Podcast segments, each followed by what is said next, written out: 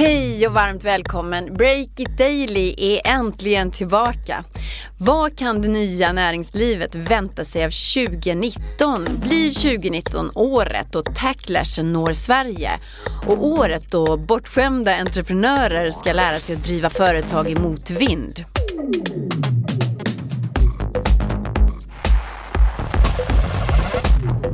Det är den 15 januari. Det är årets första Breakit Daily-podd. Hej Stefan Lundell! Hallå hallå! Du är en av entreprenörerna bakom Breakit som ja, vi vet. Än så länge i alla fall. Ja. Men du, så här i årets första podd så vill jag prata med dig om en av de stora snackisarna, lågkonjunkturen. Man kan ju tycka att det är en downer-ämne precis så här första podden, men jag tycker ändå det är intressant. Det är den stora snackisen just nu, lågkonjunkturen skulle jag säga. Mm. Hur märker du det då? På stan som vi brukar säga lite slängigt, eh, där hör man det, det är liksom ett, ett ständigt återkommande samtalsämne som inte var någonting man snackade om för några månader sedan. Hur kommer det upp då? Typ när du tar en frukost eller lunch med Ja precis, jag försöker ju träffa, träffa folk. Vi, jag fick tänka lite grann som en lo, lokaltidningsredaktör så jag är ute och pratar med folk. Att inte bara, inte bara betrakta dem på håll sådär. Så det, jag, jag träffar ju folk nästan varje dag i olika typer av möten. Och det är faktiskt en ganska intressant eh, notering som jag gjort. Eh, när man pratar med folk så det, finns det viss, en viss irritation faktiskt bland, bland, bland en del. De säger liksom att det är ni i media som driver upp det här. Att det, det finns ingen substans bakom det här. Lite grann som att det varit mycket snack om att det ska komma en bostadskrasch som aldrig riktigt kommer. Men det är ju fel. Jag skulle säga att vi redan är, är på väg in i en lågkonjunktur. Det finns eh, eh både liksom på makronivå om man tittar på hur var de här inköpschefsindexerna och, eh, och och eh, exportsiffror nu senast i natt kom det från Kina där, som blev, var en besvikelse till exempel. Så både på makronivå men även på mikronivå då, om man tittar på stora företag så, så rullar det in eh, vinstvarning på vinstvarning där. Till exempel Apple kom ju här nu för, för ett par dagar sedan och eh, flera biltillverkare har, har aviserat stora sparprogram och så vidare. Så det finns, nej jag skulle säga det, det, det är inget tvekan om att ekonomin är på väg in i en avmattning då. Mm. Så det är hårda fakta på det? Absolut, det tycker jag man kan säga. Mm. Du, vid nyår så skrev ju Breakit Sol Aronsson en krönika om hur en hel generation entreprenörer nu ska få lära sig att driva företag i en lågkonjunktur. Och eh, det handlar om entreprenörer då som lärt sig att riskkapitalet flödar och att en startup inte alls behöver gå med vinst, skrev Olle. Eh, håller du med honom här? Eh, du har ju själv drivit företag med Olle då i, i fyra år. Absolut så har det varit så att det varit en väldigt eh, god tillgång på riskkapital och fokus har legat på mer på tillväxt än på, på att göra eh, svarta siffror på sista raden så att säga, eller göra vinst på sista raden. Men med det sagt så, är, så tycker jag absolut att man hör de, de, de investerarkontakter jag har då som inte handlar om att ska investera i break utan generellt då att det är ett eh, ökat fokus på att man verkligen måste visa resultat och inte bara ha massa eh, luftiga prognoser om omsättning och, och resultat långt fram i tiden. Då.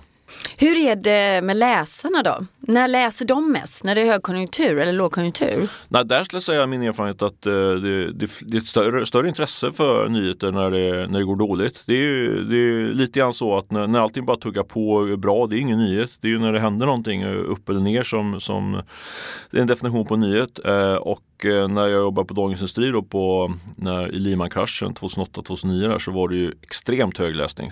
Trafiken är jag inte orolig för på breaket. Den kommer nog, det kommer nog uh, tugga på riktigt bra. En liten utvikning Stefan, mm. men uh, du nämnde ju här att du var reporter under då finanskrisen och satt där som ekonomireporter, spännande tider.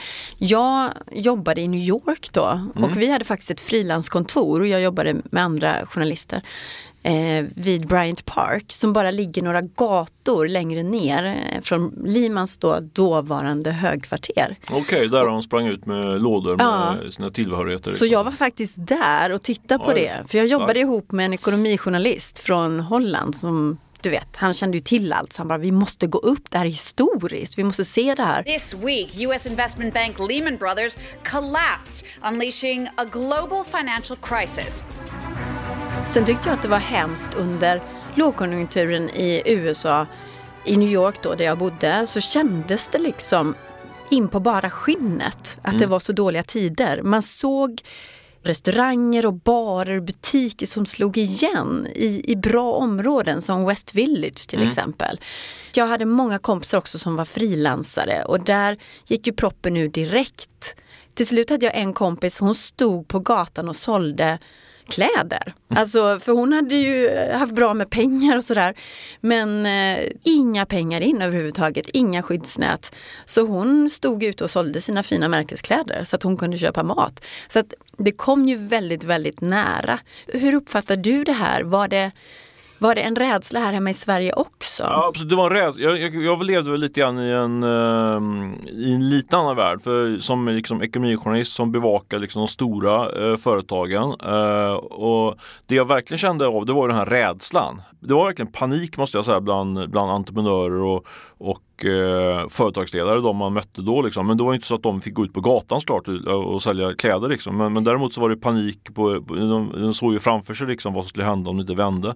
Sen kom ju den här nollräntan och, och det var ju någonting som som eh, fick fart på hela ekonomin. Liksom. Eh, så det blev ju aldrig så blodigt som, som många trodde det skulle bli i form av uppsägningar och, och eh, tragedier så liksom. Men, eh, men det var under några månader så då var det verkligen eh, som jag aldrig upplevt som journalist med, med de man pratade med. Att det var lite paniken lyste ögonen på dem. Mm.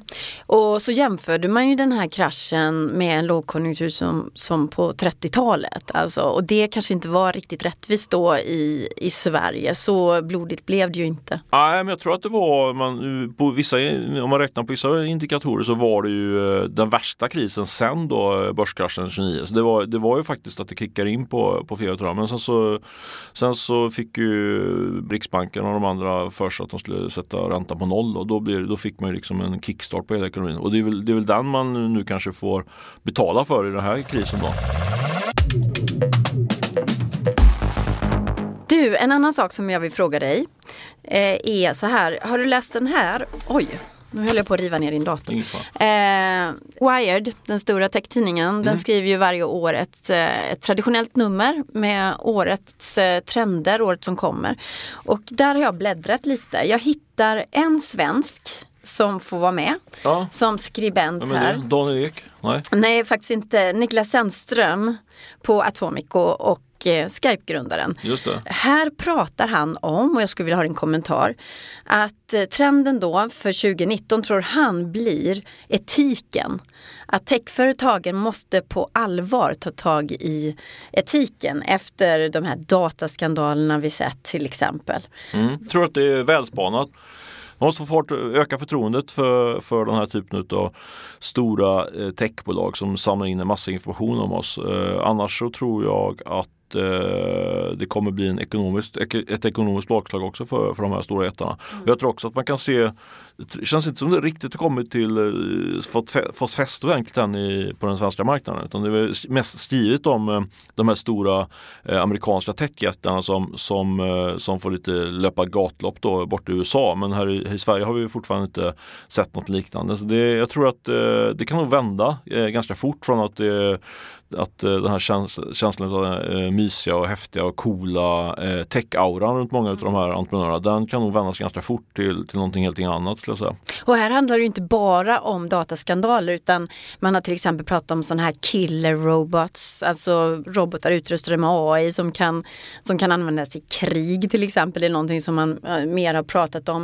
Eh, eller, eller skärmtid blir ju också ett slag mm. mot techföretagen. Att det har kommit fler undersökningar och fler negativa röster.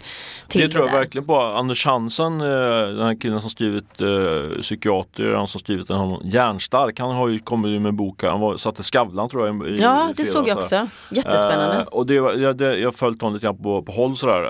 Eh, han jag, jobbar ihop med honom på Dagens Industri faktiskt. Men han har ju verkligen, det känns som att den boken kommer få extremt mycket uppmärksamhet och den, den går ut på att, eh, att det är typ är skadligt att sitta för mycket med, med mobilskärmar framför ögonen. Eh, och det där är en fråga som man eh, som förälder hela tiden brottas med. Eh, hur, hur, lång tid ska, hur länge ska man låta dem sitta där framför skärmen och är det en ny tid eller, eller är det bara skadligt, någonting som vi kommer ångra bittert om några år att vi, att vi lät dem sitta där barna. så jag menar, det där är ju, och det kokar ju ner till, alltså många utav de heta techbolagen även på svenska marknaden är ju sådana som är liksom egentligen beroende av att vi häckar framför skärmarna alldeles för länge. Mm. Etiken alltså Stefan? Ja, etiken är det som gäller. Hoppas vi klarar oss här på breaket också. Ni får väl granska oss och höra av er om det är något som ni tycker att vi gör fel.